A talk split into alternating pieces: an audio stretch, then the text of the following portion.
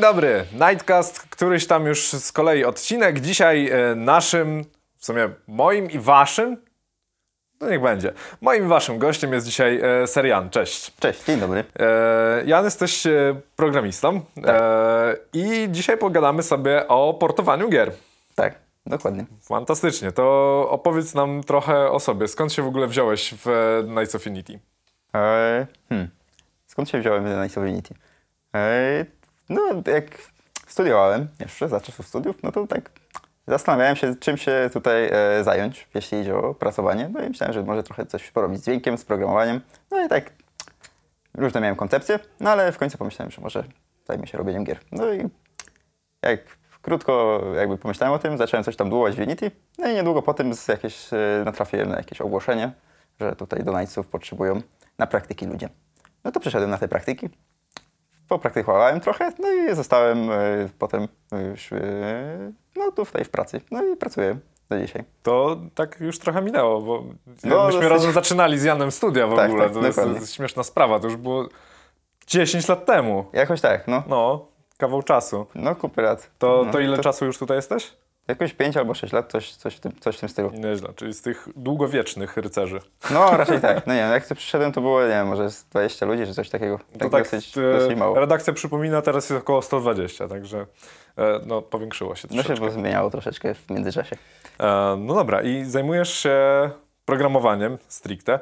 E, powiedz mi, mm, jakby co z jakby tych części, części programistycznej w pracy lubisz robić najbardziej? Jakieś nowe rzeczy, właśnie portingi, czy w ogóle może jakieś, nie wiem, narzędzia, toolsy, co, co tobie najbardziej w duszy śpiewa?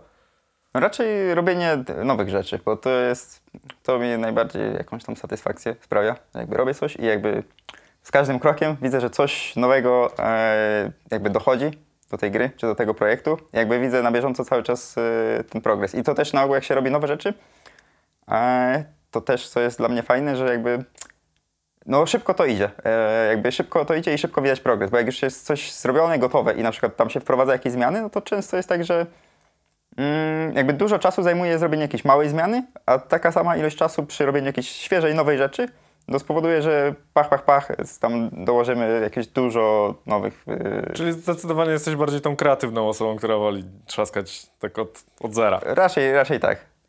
Spoko. No a tak e, jak masz ocenić e, obecnie i może trochę historycznie, e, ile tego typu pracy masz, miałeś, a, a ile faktycznie jest tej jednak dłubaniny przy Mhm. gotowych rzeczach?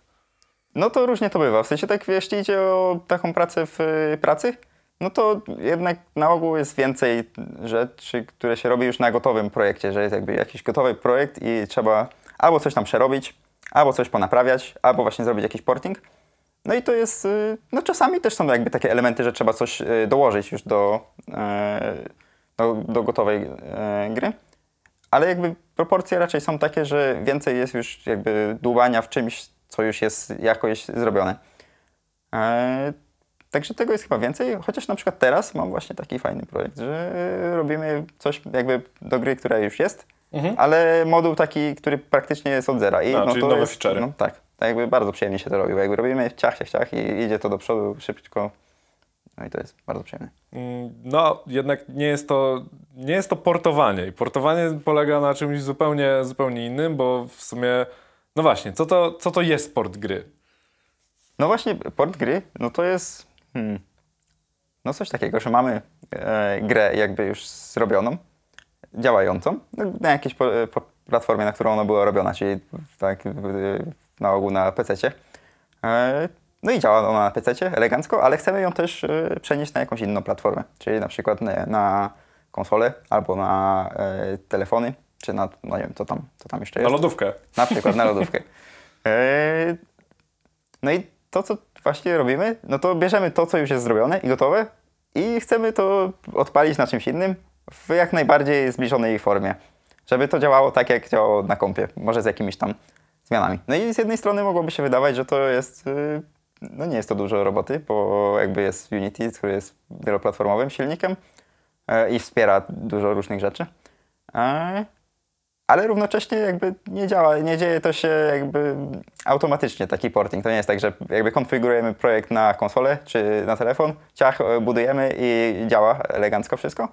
Tylko jest jakby jeszcze sporo pracy, którą gdzieś tam trzeba zrobić. Jakieś drobne przeróbki, drobne poprawki, naprawienie tego wszystkiego. Jakby zrobienie, żeby w ogóle to działało. Czasami to jest bardzo duży problem. Mhm. Znaczy problem, no duża rzecz do zrobienia. Eee, no, no właśnie, ale no właśnie jakby tak. No dobra, to na czym ogólnie polega cały proces, e, proces portowania? No bo e, mówisz, że to jest kwestia dostosowania e, gry do danej platformy, ale no weźmy sobie przykład, e, przenosimy grę z PC-ta na przykład na Xboxa. E, co musimy zrobić, żeby grę, która była dostosowana do grania na klawiaturze i myszce, żeby można było w nią swobodnie grać na konsoli? Mm, no to tak jakby z moich obserwacji, to jakby taki porting, powiedzmy z kompa na konsolę, no składa się z iluś tam elementów i w zależności od projektu one mogą być bardziej istotne lub mniej. No ale jakby pierwszym takim mm, najważniejszą rzeczą to jest zrobienie, żeby taki projekt się w ogóle odpalił. Bo zwykle to wygląda tak, że mamy projekt do sportowania i to jest zwykle już jakby w miarę skończona gra. A w związku z tym, że jest skończona, no to tam jest na ogół dużo rzeczy, dużo to zajmuje. Jakby jest jakby dużo grafik, dużo kodu. E, wszystko tam waży, nie wiem, kilkadziesiąt giga czy coś, coś w tym stylu, albo i więcej. E, no i jest dużo wszystkiego. E, I zwykle to wygląda tak, że próbujemy odpalić, jakby skonfigurować projekt pod daną konsolę. No i ciach, dostajemy list, długą listę błędów w kompilacji i, i nic się nie odpala. Nie? I musimy w jakiś sposób albo naprawić te błędy, albo najczęściej to obejść je jakoś na szybko, a potem się do nich wraca i je robi już tak na porządnie. E, No potem próbujemy zbudować. W momencie zbudowania ciach, dostajemy następną listę błędów, które w momencie budowania się pojawią. No i też je trzeba w jakiś sposób albo jakoś poobchodzić, albo ponaprawiać. No potem się udaje odpalić, jakby zrobić tego builda. No i wrzucamy go na konsolę, odpalamy. No i na starcie gra się crashuje, albo też wali jakąś długą listą błędów.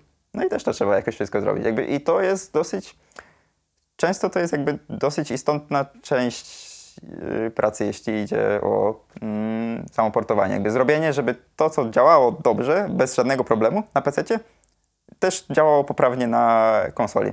No i czasami to może zająć tam, nie wiem, dni albo nawet y, tygodnie, w zależności ile tam rzeczy jest. Okej, to jakie rzeczy się tak naprawdę naj, najczęściej krzaczą? Co powoduje te początkowe błędy? Mm, no ogólnie jest tak, że jakby y, jeśli idzie o rzeczy w kodzie, jakieś różne funkcje, których się używa, to, to nie wszystkie są dostępne e, na konsolach. Nie wszystkie, które są dostępne na PC, są dostępne na konsolach. Mhm. E, Często różnego rodzaju pluginy są mm, niewspierane e, i, no, i często nie działają w jakiś tam sposób. Czasami jakieś graficzne feature'y też mogą nie działać poprawnie, jakieś shadery. E, Też może być tak, że konsole mm, jakby są bardziej wymagające, jeśli idzie o RAM. I jakby mniej tego RAMu mamy dostępnego i jakby jak przekroczymy to w jakimś tam momencie, no to już to yy, no nie będzie gra działać, będzie się crashować. Yy, No i też czasami może być tak, że po prostu na przykład jest, nie wiem, no za dużo tekstur i one zajmują tyle pamięci, że no nie da się tego odpalić. Em, Okej, czyli wtedy, wtedy musi pewnie wjechać jakiś grafik i tak dalej, coś tam, coś tam dostosować. No chyba, że ty jesteś w stanie zrobić coś z tym. Powiedzmy, mamy dużo za dużych tekstur.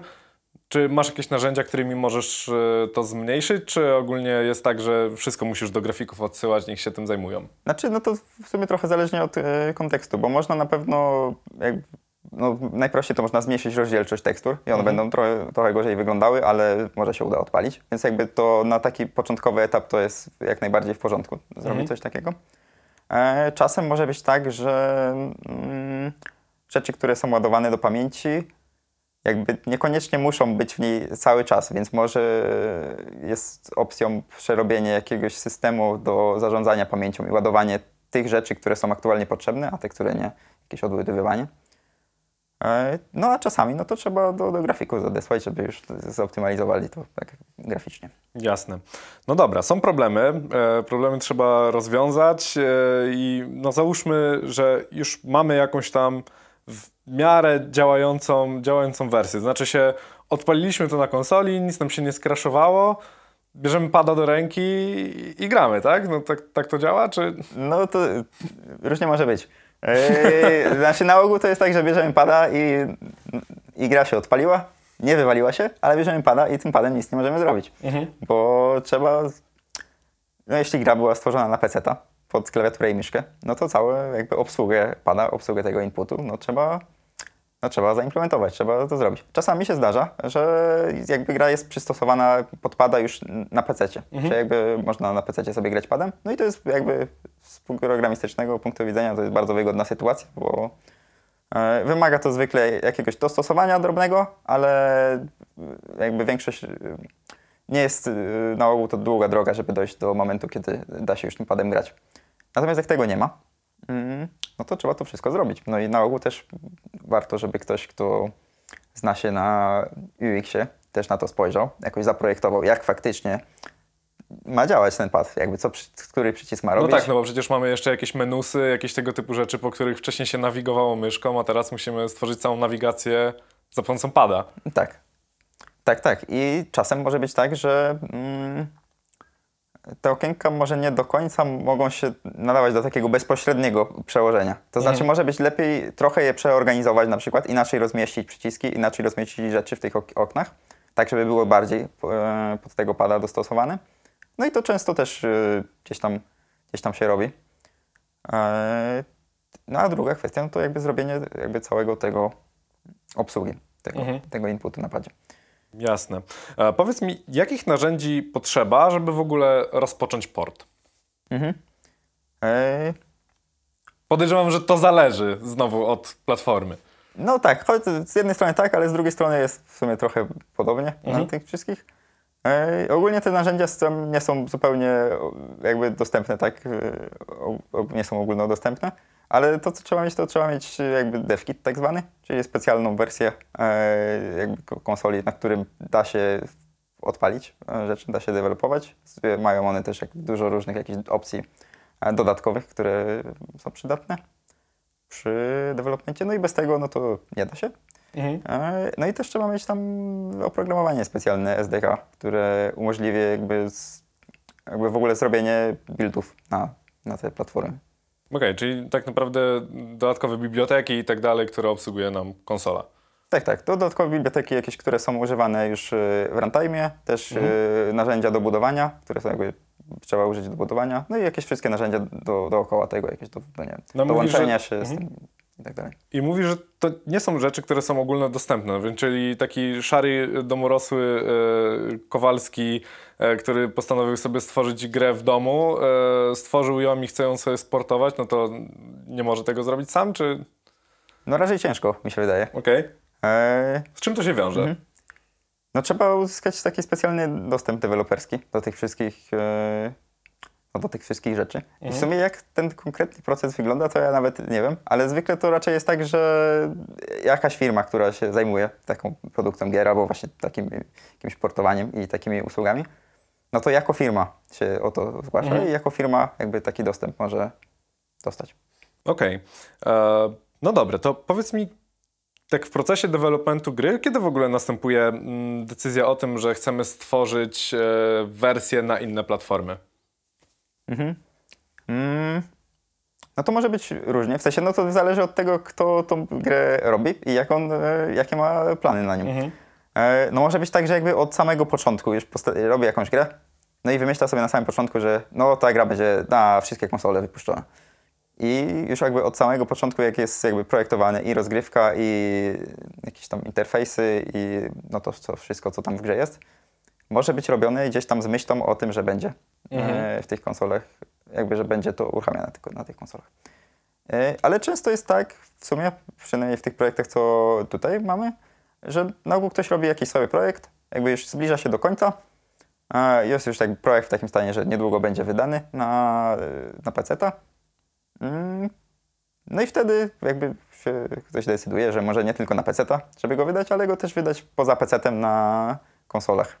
E, no i czasami to jest tak, że albo jakby już w ogóle po zakończeniu developmentu, że na przykład gra jest wydana już na PC Mhm. i wtedy jakby na bazie tej już skończonej gry my robimy port i potem jest wydawany na, na konsolę. E, To jest jakby z punktu widzenia programisty, no to jest wygodna sytuacja, bo jakby już bazujemy na czymś, co już jest skończone i już tam się nic y, raczej nie zmienia, że jakby tylko do tego, do, jakby bazujemy na, na tej skończonej wersji PC-owej i zrobimy je tam jakieś swoje, jakieś przeróbki, jakieś dostosowania, e, ale nie musimy się synchronizować z jakimiś nowymi zmianami. Mhm. E, Ale też y, nie tak rzadko się zdarza tak, że jakby już development idzie, zmierza ku końcowi, ale jeszcze się nie zakończył, jakieś tam wprowadzane są jakieś poprawki, jakieś bugfixy, drobniejsze lub e, mniej drobne e, i no i jakby jest postanowione, że, żeby równocześnie z wydaniem wersji PC-owej wydać też wersję na konsolę. Mhm. I to jest jakby, wtedy idzie to trochę równolegle. Mm, jakby no z mojego punktu widzenia to jest jakby mniej wygodne, bo trzeba wtedy bardziej, jakby raz, że trzeba się synchronizować z tymi zmianami wprowadzonymi na oryginalnej wersji. Często to jest tak, że jakby równolegle pracują dwa teamy. Jeden jakby na wersji e, na komputer, a jeden na konsolę. Mhm. Mm, No ale właśnie, jest tak, że my robimy swoje zmiany, oni robią swoje zmiany, no i musimy się, musimy to łączyć, musimy to merge'ować. Czasami to jest problematyczne, bo może być tak, no przykładowo, szczególnie to w zmianach w interfejsie, że na przykład my chcemy coś dostosować, podpada, gdzieś tam poprzesuwać jakieś przyciski, czy jakieś okienko przerobić trochę, e, czy tam, nie wiem, zwiększyć e, czcionkę, żeby na Switchu była bardziej widoczna. A równocześnie to okienko ktoś tam przerabiał też, żeby, no nie wiem, żeby ładniej było jakoś zorganizowane te rzeczy.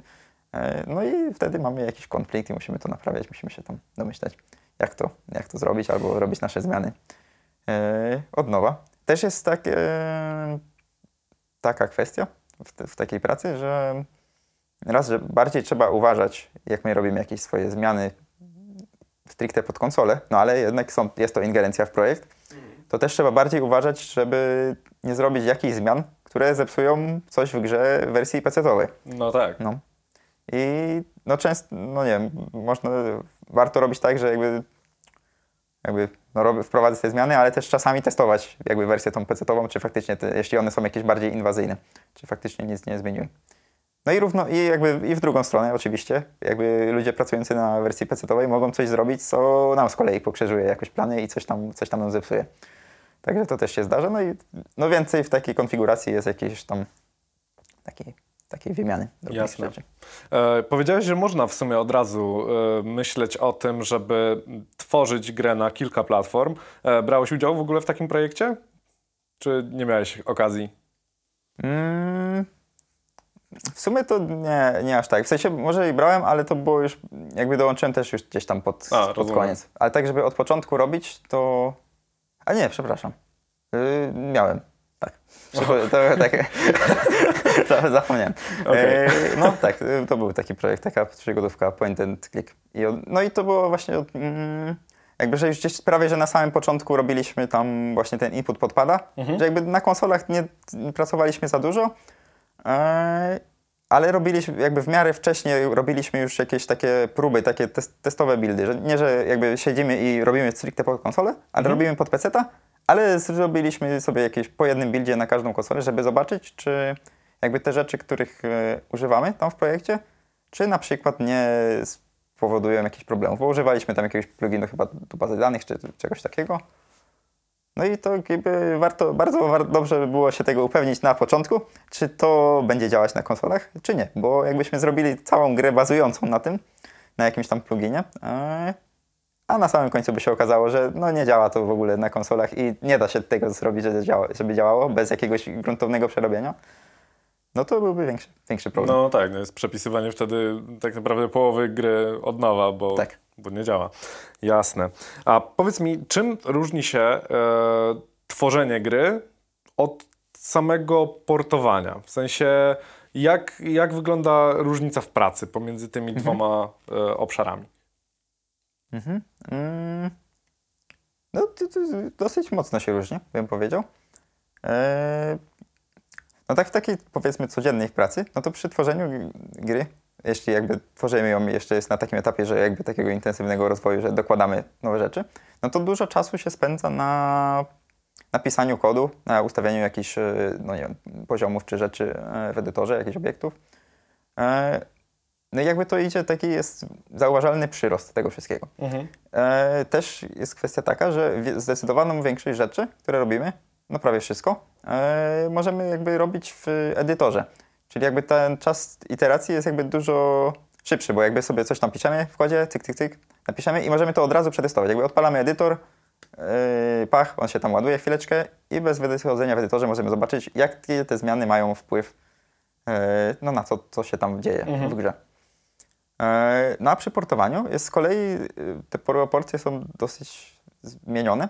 To się jakby o wiele mniejszą część y, jakby czasu się spędza na pisaniu kodu, a dużo więcej na testowaniu i, jak, i robieniu takich różnych rzeczy dookoła tego. Bo jakby e, no jest taka istotna rzecz, która ma bardzo duży wpływ na to, w jaki sposób się pracuje przy tych portach, to to, że e, to, co robimy, to jest uruchomienie i zrobienie, żeby ta gra działała konkretnie na jakiejś konkretnej konsoli Mhm. poprawnie. Więc jakby nie jest możliwe przetestowanie zdecydowanej większości rzeczy, które robimy e, w edytorze. Czyli jakby do testowania musimy jakby robić zawsze buildy i uruchamiać je na, na tym sprzęcie docelowym. E, No i to jest, mm, to bardzo mocno jakby rzutuje na pracę z tego względu, że to trwa dosyć dużo czasu. Okej. I często jest tak, że no właśnie, piszemy, coś tam chcemy przerobić, no i robimy jakąś tam zmianę w jakiejś tam linijce, no i normalnie byśmy sobie w edytorze, cyk, upewnili się, że ta linijka, czy te trzy linijki, tak jak je napisaliśmy, czy one faktycznie działają tak, jak sobie wymyśliliśmy, że one napisały, yy, Mhm. no, że będą tak działały. E, więc normalnie byśmy cyk, odpalili edytor, zobaczyli, dobra, no działają tak, jak wymyśliliśmy, dobra, no pis- piszemy kolejny.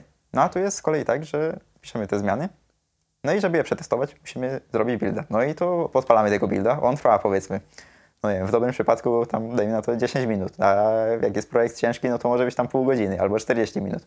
Jakby no to trwa tak czasami naprawdę długo. Mhm. No musimy go wrzucić, odpalić. To też trwa, jakby samo przerzucenie tego builda, odpalanie go.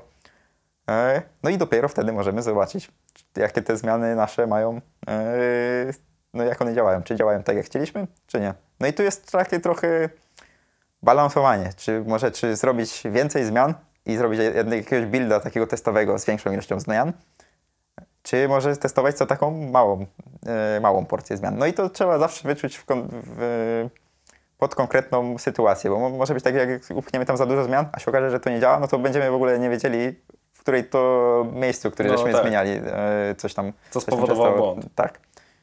A w drugą stronę jest tak, że mm, no właśnie, robimy małą rzecz, no działa, ale czekaliśmy godzinę na buildę, żeby to sprawdzić. Jest, jest to trochę takie, no, trochę frustrujące to czekanie.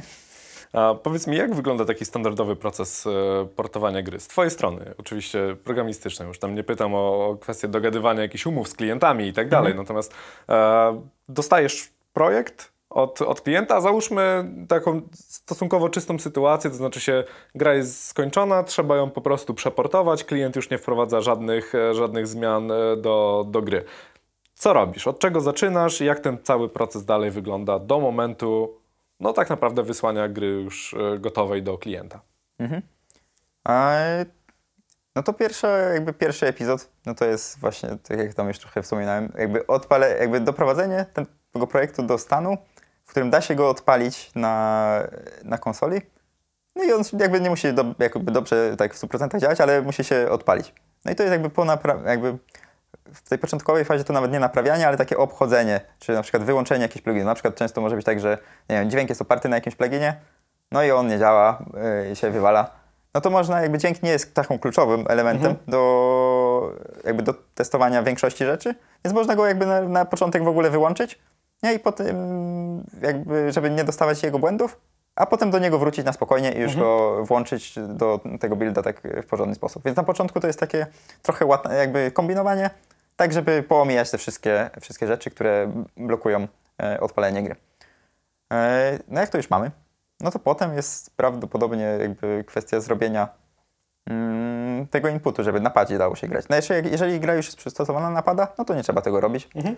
E, ale jeśli nie, no to trzeba to zrobić. Na początku w ogóle często, ty, znaczy często, no może być warto, też mi się zdarzało parę razy, zrobić taki bardzo tymczasowy input, który po prostu pozwoli wejść e, do gry, pozwoli gdzieś tam się przeklikać przez levele, że on nie jest w ogóle zrobiony w, takim, w takiej docelowej formie, żeby się wygodnie grało, na ogół to jest jakoś bardzo niewygodnie, ale tak, żeby dało się przejść przez te ekrany gry, przejść przez te levele i zobaczyć, bo no właśnie, często jest tak, że mm, poza takimi ogólnymi problemami, które gdzieś tam na początku się pojawiają, że właśnie gra się w ogóle nie odpala, w ogóle się crashuje i jakby nie działa tak totalnie, to na ogół jest tak, że mm, przy porcie pojawia się dużo takich drobnych e, błędów czy niedoskonałości w różnych jakichś lokalnych miejscach, to tu, to tam. Bo jakby mm, też mam wrażenie, że jakby takie konsole i jakby, no nie wiem, Uni- Unity, które działa na konsolach, czy mm, jakby jest, to jest bardziej wrażliwe na różnego rodzaju niedoskonałości, które na przykład na PC one nie sprawiłyby jakiegoś problemu, jak, jakoś działają,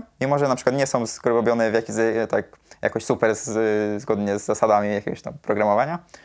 E, Ale na, na konsolach jakby one są bardziej wrażliwe i często jakieś takie rzeczy gdzieś tam wy, wy, wychodzą i że coś nie działa poprawnie. Także jakby też jest warto się jakby przetestować trochę bardziej, jakby wejść w różne levele, wejść w różne miejsca gry, w różne ekrany i zobaczyć, czy w jakichś konkretnych miejscach coś się nie zepsuło. Bo zwykle jest tak, że to tu, to tam, coś tam nie działa i trzeba to naprawić.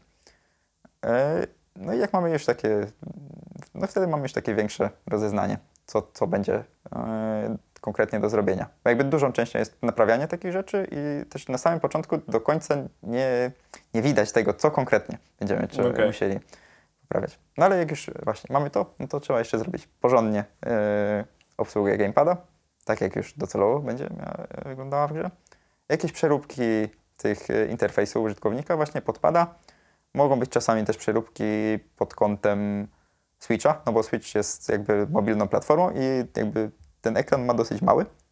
I może być czasem tak, że jeżeli interfejs jest przystosowany po prostu do PC, no to na przykład, nie wiem, to tam litery będą za małe, no i nie będzie tego widać. No i może być potrzeba jakby zwiększenia czcionki albo jakby rozmieszczenia czegoś, co jest wrzucone na jeden ekran na kilka ekranów, e, żeby wszystko się ładnie e, mieściło.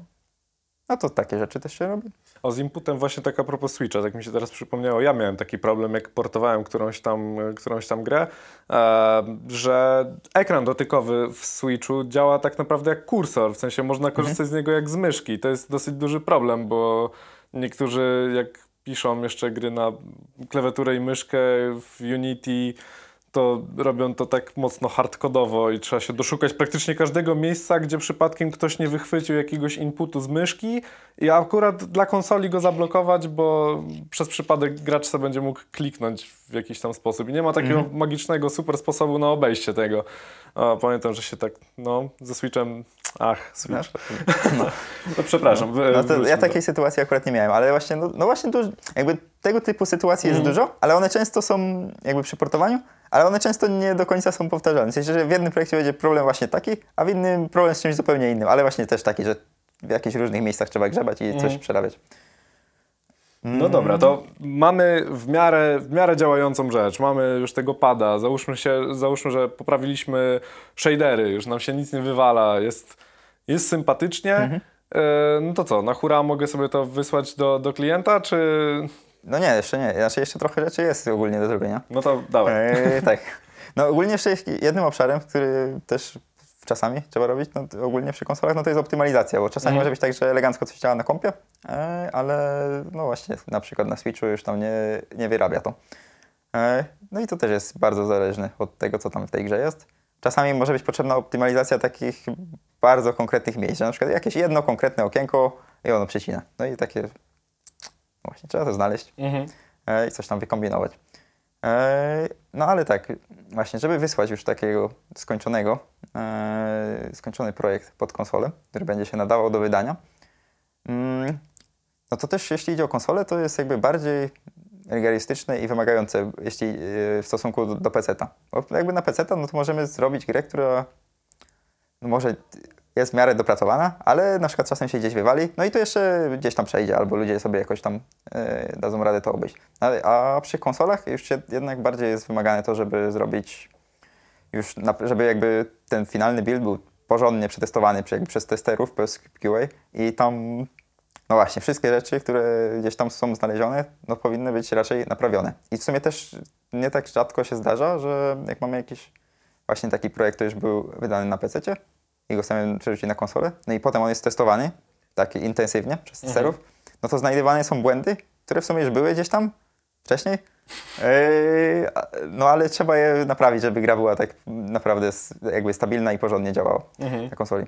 I też jest takie śmieszne zjawisko, e, które gdzieś tam zaobserwowałem, że dosyć, no nie tak rzadko, jakieś błędy, jakieś błędy, bugi, które już na przykład są na PC, ale na PC one nie stanowią takiego dużego problemu, że są jakąś tam drobną niedoskonałością, ale która nie psuje całej gry.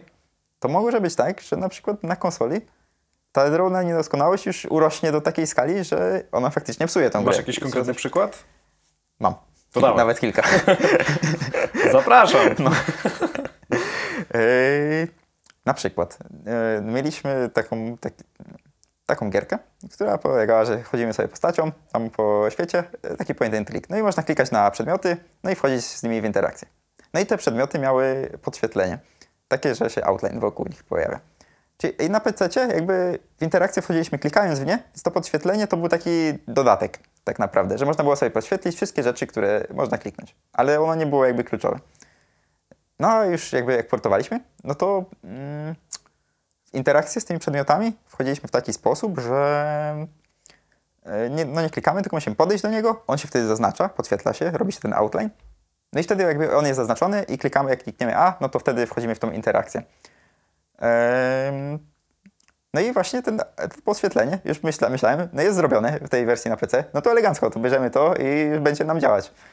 A potem się okazało tak, że to działa dobrze przez pierwsze trzy levele, a potem to jakoś, nie wiem, dla jednego przedmiotu nie działa, dla drugiego nie działa z jakiegoś innego powodu, dla trzeciego coś tam. No i się okazało, że to po prostu no, nie działało tak y, do końca dobrze y, w tej oryginalnej wersji. No i musieliśmy to naprawiać. No i to była właśnie taka rzecz, która nie była dopracowana w PC, ale tam nie stanowiło to problemu, bo to był taki, No tak, bonus, to jest to kluczowa informacja tak naprawdę dla gracza, że coś może w ogóle zrobić. No tak. Bo jak mu się nie podświetli, to znaczy się, że no, no. nie ma ten. Jakiś inny e, przykład? Coś, coś jeszcze? Jeszcze, mam, dawaj, jakieś- jeszcze, dawaj, jeszcze, dawaj jeszcze smaczki. jeden, jeden przykład. Lubię smaczki. Eee, na przykład taki, że mieliśmy taką gierkę. eee, no taką gierkę, która polegała że tam na, ogólnie na składaniu komputerów i no, jedna akcja, którą można było w tej grze zrobić, no to pójść spać i poczekać tam do następnego dnia.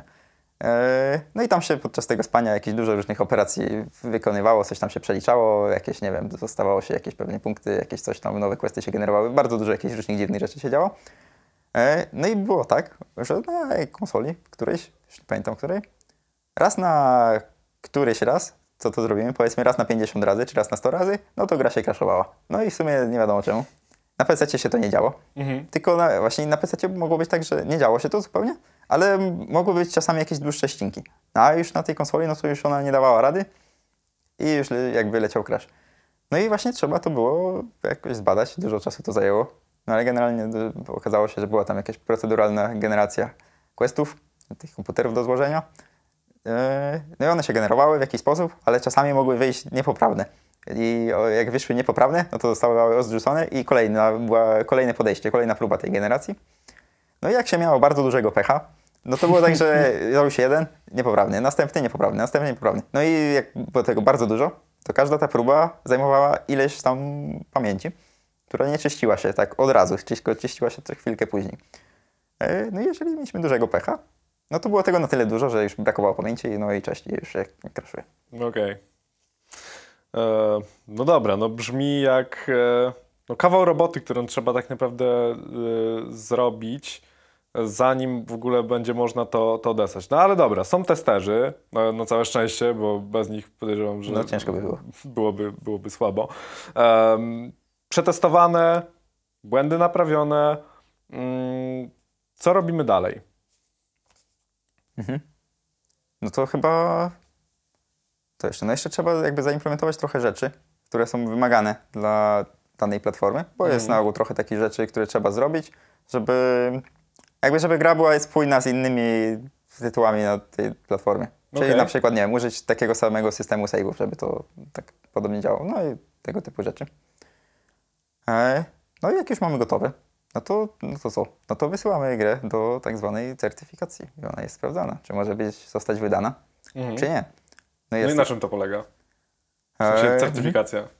No, że wysyła się do... Do kogo się to wysyła? No do tych y, tam firm, które obsługują te sklepy na tych konsolach. No i oni jakby mają swoich testerów, biorą takiego builda, testują go, mają taką wielką, długą listę wymagań, które, że coś powinno być zrobione w taki sposób, a coś innego w jakiś inny sposób. I sprawdzają, czy taki build jest zgodny z tymi wszystkimi wytycznymi.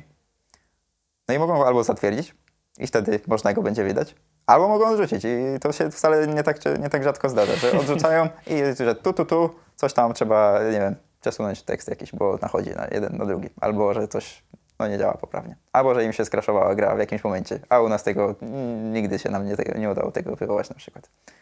No i wtedy trzeba kombinować i to naprawiać. Eee, No i wysyłać poprawionego builda. Jasne.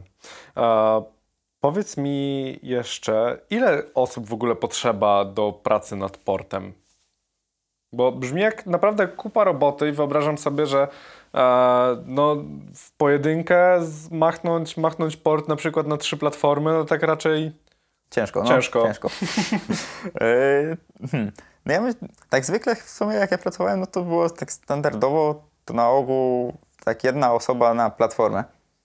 Bo jest to jakby dosyć dużo roboty, ale równocześnie też y, nie tak dużo rzeczy da się zrównoleglić. mhm. E, Więc tak na ogół właśnie tak jedna osoba na platformę to było tak w miarę optymalnie. Chociaż to też jakby, no zależy co tam jest do roboty, bo może być tak, że na przykład, no nie wiem, jest potrzebne jakieś bardzo dużo optymalizacji, no to może być jakaś osoba, która konkretnie optymalizacją się, się zajmie, a inni będą robić takie rzeczy e, ogólne. Albo, mm, no.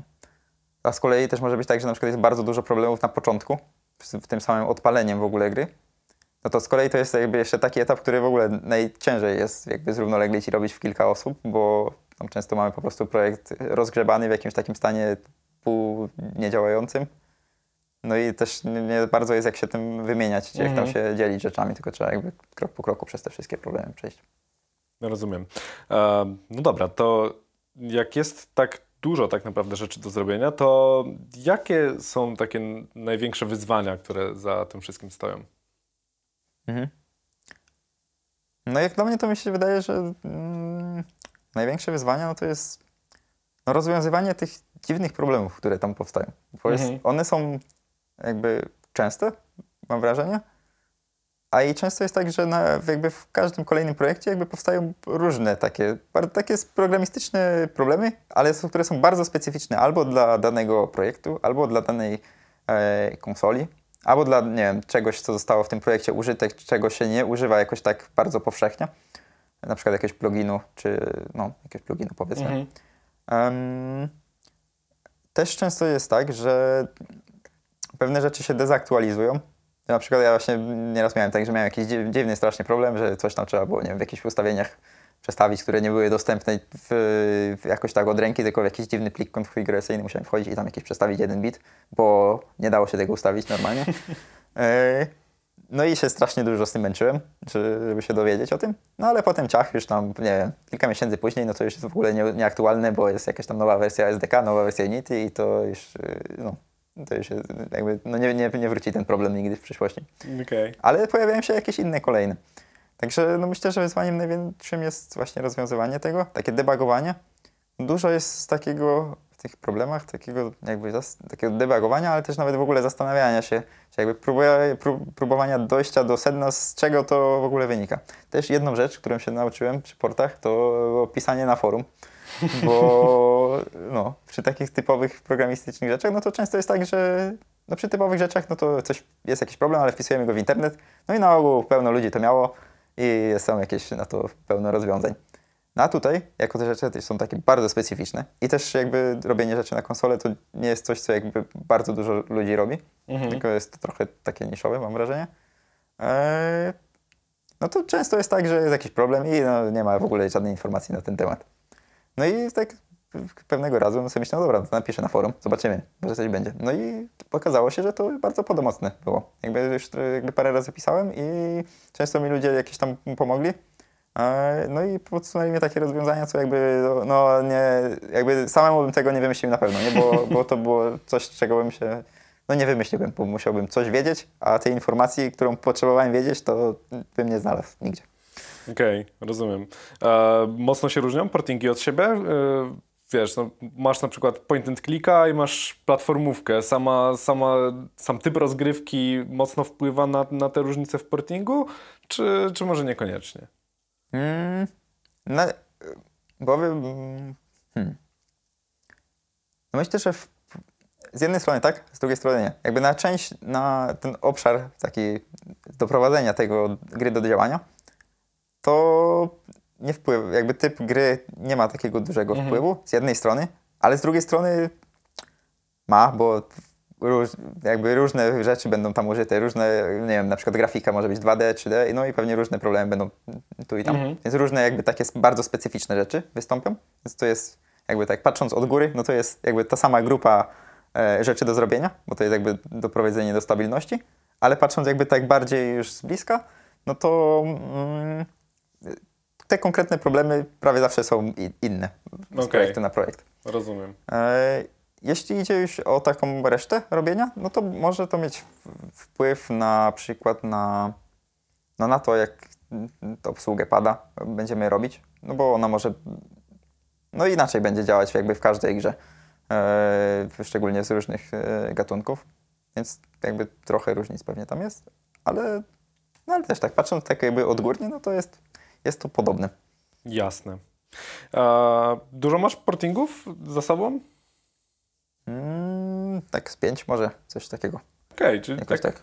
w sumie dużo lub niedużo, nie? W sensie, no ile trwa w ogóle e, przeportowanie gry? Tak od momentu dostaję projekt do momentu odsyłam do klienta. Mhm. No to jest jakby mocno zależne. No właśnie, też jakby do, jeszcze wracając do poprzedniego pytania. Że w, w sumie e, to, czym się głównie różnią po- portingi, tak mam wrażenie z mojej, z mojej perspektywy, to skalą projektu. W sensie jest tak, jeżeli mamy jakiś malutki projekt do przeportowania, to to można zrobić mm, no, bardzo szybko. W sensie, że prawie, że no, mało będzie problemów, szybko będzie wszystko działało i jakby może to szybko pójść. Ale jakby skala projektu ma bardzo mocny wpływ na to, ile e, te prace będą trwały. Bo jakby im projekt jest większy, tym po pierwsze będzie więcej różnych problemów w różnych miejscach, więcej bugów do naprawiania. E, Będzie jakby dłużej trwała praca z nim, bo to ma też duży wpływ, jakby, że trochę wolniej działa edytor, trochę dłużej trwa, nie wiem, jakieś odpalenie sceny, trochę dłużej trwa, albo dużo dłużej trwa zrobienie builda. Na przykład, nie wiem, w jakimś takim najcięższym projekcie, co robiłem, no to, to build tam się robił chyba z 45 minut, czy coś takiego.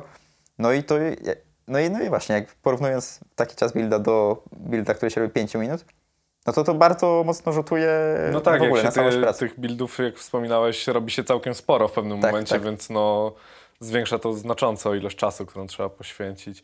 E, A sama kwestia na przykład testowania projektu przy, przy takim dużym, a, a małym, Mm, no to też, znaczy no, przy dużym no to już jakby wiadomo, jakby takie deweloperskie testy też, też, też yy, trzeba robić, no ale to już tacy testerzy, którzy konkretnie się zajmują testowaniem, no to już są praktycznie niezbędni, no bo też jakby mm, no, no właśnie, no są takie rzeczy, które na przykład yy, no, wymagają przejścia całej gry i zobaczyć, czy cała gra działa od początku do końca poprawnie. Czy nie jest tak, że już jak przejdziemy do końca, to na ostatniej misji gdzieś tam coś się psuje. A to też wcale nie tak rzadko takie rzeczy się zdarzają, bo nie wiem, bo na przykład coś tam rośnie z czasem, jakby, albo coś tam się nie czyści w pamięci. Albo nie wiem, okay. savey się robią coraz większe, coraz większe i pod sam koniec gry się robią takie duże, że już się nie mieszczą. No i to musi przetestować tester, który przejdzie grę tak od początku do końca porządnie, tak jakby to no tak, jak masz tytuł, który się ogrywa powiedzmy 80 godzin, no to są dwa tygodnie pracy z głowy, totalnie. tak, tak, tak. No. Także to, no, to jest, jest, jest niezbędne. No dobra, a który porting uważasz w ogóle za najtrudniejszy z tych wszystkich, które zrobiłeś? Mhm. Mm, No myślę, że ten z tymi komputerami, bo tam było naprawdę dużo, dużo różnych, dużo różnych problemów dziwnych. W sensie właśnie był ten problem z tym na przykład iściem spać. No i właśnie to był problem typu takiego, że no gra się crashuje, ale nie, czasami tylko nie wiadomo w zasadzie dlaczego i raz to się dzieje, a czasem się to dzieje, czasem się to nie dzieje i może coś tam jeszcze z zewnątrz ma na to wpływ, że czasem się to dzieje częściej, a czasem się to dzieje rzadziej. No i trzeba kombinować. Były tam na przykład jeszcze jakieś, i tego typu problemów tam było cała masa. Yy, było na przykład problem taki, no, że gra się kraszuje po 8 godzinach grania. I no, i no i no i co? No i z czego to wynika? No i się okazało, że właśnie też była kupa kombinowania, żeby dojść o co chodzi. No ale było tam takie coś, że yy, z jakiegoś po- powodu, gdy otwieraliśmy i zamykaliśmy e, okienko, no to zostawało tam ciut, ciut, trochę pamięci się nie czyściło. I był taki wyciek pamięci, ale taki bardzo malutki, że jak otworzyło się jakieś tam okno, bardzo, bardzo, bardzo dużo razy, no to już się pamięć kończyła wtedy. A w ogóle to było spowodowane jakimś tam dziwnym, jakimś bugiem w Unity, który powodowało czyli błąd zmiana, silnika ogólnie. błąd silnika, tak. Jakby zmiana czcionki to powodowała. To była zmiana czcionki robiona gdzieś tam z kodu i każda zmiana czcionki, nawet na tą samą czcionkę, Mhm. trochę zostawiała pamięć gdzieś tam. Nie, Wow. No to faktycznie to są rzeczy takie, które no, no nie wychwycisz na pierwszy rzut oka. W ogóle to nie, nie wygląda No. na coś łatwego. E, pamiętam, któryś, któryś z naszych jeszcze kolegów wspominał e, o, o takim problemie, że też gdzieś gra mm, trzeba było faktycznie chyba longiem grać przez jakieś, nie wiem, tam 5 godzin czy coś takiego, żeby właśnie coś tam się wywaliło. No to jest podobna, podobna kwestia do tego, co mówisz. Tam akurat był chyba problem z tym, że e, savey się jakoś robiły w jakiś dziwny sposób i, i nagle ten save był tak potężny, że dopiero to się gdzieś tam crashowało. No, są, są ciekawe rzeczy y, z, z tymi portami. A, powiedz mi, bo porting wydaje się być no, taką rzeczą może nie do końca super satysfakcjonującą, bo właśnie nie, nie widać tak bardzo tego progresu i, i tak dalej, nie dokładasz właśnie nowych rzeczy, nie wymyślasz jakichś nowych mechanik czy coś, Em, no ale no, robisz to, no umiesz w tym znaleźć jakąś tam frajdę, coś, coś jest takiego, co sprawia ci radochę faktycznie? Do pewnego stopnia. W sensie momentami, yy, no takie rozwiązywanie tych takich dziwnych problemów ciężkich, no to jest nawet dosyć satysfakcjonujące, jeśli się to uda rozwiązać. Chociaż właśnie czasami jest to takie, że człowiek siedzi nad tym, siedzi i myśli, że no po prostu nie da, nie da się, nie da rady. Yy, ale jak się uda coś takiego przejść, no to daje to jakąś satysfakcję. Yy, Plus też port, jakby pracy nad portingami jest taki, że można zajrzeć do wielu różnych projektów. Czasami mogą być one jakoś, no, całkiem fajne. Eee, Jo, ale mm, tak jakby tak na co dzień to mnie to raczej bardziej...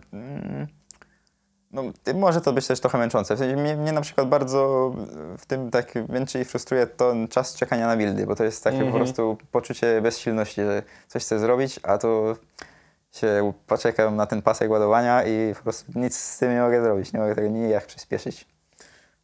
No tak, a mm, właśnie, bo miałem zapytać też przy okazji tych. E, e, przy okazji tego, czy sprawia Friday i tak dalej, to mm, właśnie, bo jest y, to praca dosyć mocno powtarzalna, nie? W sensie mówisz o tym, że faktycznie w, zależnie od projektu, no są jakieś drobne rzeczy, które tam gdzieś się różnią, ale cała baza no jest w sumie, w sumie ta sama, tak? No od Tak, samego tak. początku musisz doprowadzić projekt do jakiegoś działania, zrobić te inputy, e, sprawdzić, sprawdzić właśnie, poprawić te błędy, dostosować tam, nie wiem, dodać jakieś achievementy, tego typu historie. Mm, Nie, nie prowadzi to w jakiś sposób do jakiegoś takiego wypalenia? Nie, nie jest to jakoś specjalnie monotonne? Mm, może, no w pewnym stopniu może i tak. W sensie jest to trochę monotonne, to prawda. Jest, tak, jest to monotonne. E, Jest to też właśnie często takie trochę frustrujące właśnie przez te czasy ładowania. Też jest tak, że mm, nieraz te narzędzia, które się tam, których się używa, czasami są niedopracowane, bo one są takie, no nie są tak bardzo powszechnie używane, no i często mają jakieś takie niedoskonałości i czasem może być tak, że no nie wiem, czegoś nie wychwycimy przez to, że nie wiem, narzędzie nam tego nie złapało jakiegoś loga, bo nam log znik zniknął, a powinien tam być. I, e, no, jest to trochę takie męczące. A ta powtarzalność też jest, no, też jest tam elementem. Mm, Powiedziałbyś, że to jest e, praca dla juniora, czy raczej potrzeba kogoś z większym doświadczeniem do tego, żeby robić port? Mm, myślę, że myślę, że jakby mm, lepiej, żeby ktoś miał jakieś doświadczenie, trochę większe, bo no właśnie przez to, że przez ten duży czas jakby iteracji, że robimy coś i dopiero po, po tym czasie, jak zrobimy te, jakby ten build się zrobi i go odpalimy, to dopiero widzimy, co zmieniliśmy. E, no i tutaj jakby lepiej, jak ktoś, jest większa szansa, że ktoś te zmiany, które zrobił, one będą faktycznie dobre. Bo jak Mhm. ktoś ma mniejsze doświadczenie, no to pewnie jakby to częstsze testowanie może być bardzo przydatne. Mm, no a tutaj czasami jest tak, że po prostu no, nie ma takiej możliwości. I no. Jasne. E, no dobra. E, wydaje mi się, że y, mamy, ja na pewno, a, a i e, nasi słuchacze i widzowie e, większe pojęcie w ogóle, z czym, z czym to się wiąże. I nie, że nie jest to takie wcale e, łatwe, oczywiste, jak wzięcie po prostu gry, wrzucenie na konsolę i cyk, i, i No nie. działa. I że no, nie ma się co, kochani, frustrować, że y, gra czasami jest dostępna na, na PC, a, a na jakichś tam konsolach nie, lub też jest na konsolach, a na PC i, e, jej nie ma, bo wcale nie jest to, jak widzicie, takie proste, e, żeby to w ogóle e, zrobić. Także e, myślę, że w tym miejscu podziękuję Ci serdecznie za garść naprawdę fajnych, przydatnych informacji, ale mam jeszcze na koniec e, do wszystkich moich gości w sumie takie trzy luźne pytania, żeby się już, wiesz, Okej. E, no, że ciśnienie zeszło troszeczkę. E, powiedz mi, jaki film ostatnio obejrzałeś i czy coś polecasz, w sensie, czy go polecasz do, do obejrzenia? Bo może być, że obejrzałeś coś kiepskiego. Hmm. Dobre pytanie. Hmm. Ostatnio chyba widziałem taki film, co się nazywał Bossy. I to jest film o takich dwóch aktorach i pani reżyser i o robieniu filmu ogólnie. O, Eee, No i tam jeden aktor jest takim poważnym artystą, ekscentrykiem, a drugi takim gwiazdorem. No i mają jakieś perypetie między sobą. No i całkiem, całkiem fajny. okej. Um, o, to, to, to jest takie ciekawe ten. Jak y, siedzisz sobie, y, robisz sobie tam grę, kodzisz sobie, nie? Czy to w pracy, czy w domu, nieważne. Co byś do tego przekąszał?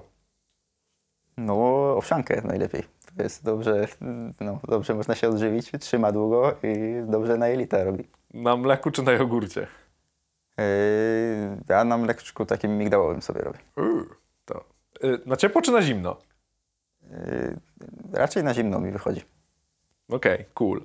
E, to jeszcze mi powiedz na e, takie według Ciebie trzy najlepsze sposoby na właśnie lepsze samopoczucie w ciągu dnia. Dawaj. Mhm. To tak. No to trzeba się wyspać porządnie. To jest numer jeden. Nie siedzieć za długo przed kąpem. Mm, To jest bardzo ważne. Szczególnie w tej pracy. Tak, tak. No i no ja, to jest kontrowersyjne, ale ja na przykład ostatnio przestałem pić kawę i o wiele lepiej się e, czuję. O, to jest faktycznie kontrowersyjna y, sytuacja. Ja kawę piję od jakichś no, dobrych 15 lat na pewno i tak powiem Ci, że y, ciężko ten, ciężko by było w sumie zerwać z nałogiem kawowym. Właśnie, jak, jak się czułeś w pierwszym powiedzmy tygodniu bez kawy?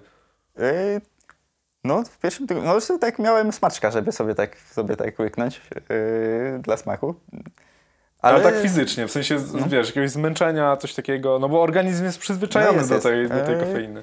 Może, może troszeczkę byłem przymulony bardziej, ale ogólnie dosyć szybko miałem tak, że więcej energii miałem tak w summa summarum, tak na przestrzeni całego dnia. No okej, to myślę, że spróbuję sobie może jakiś A czas. polecam.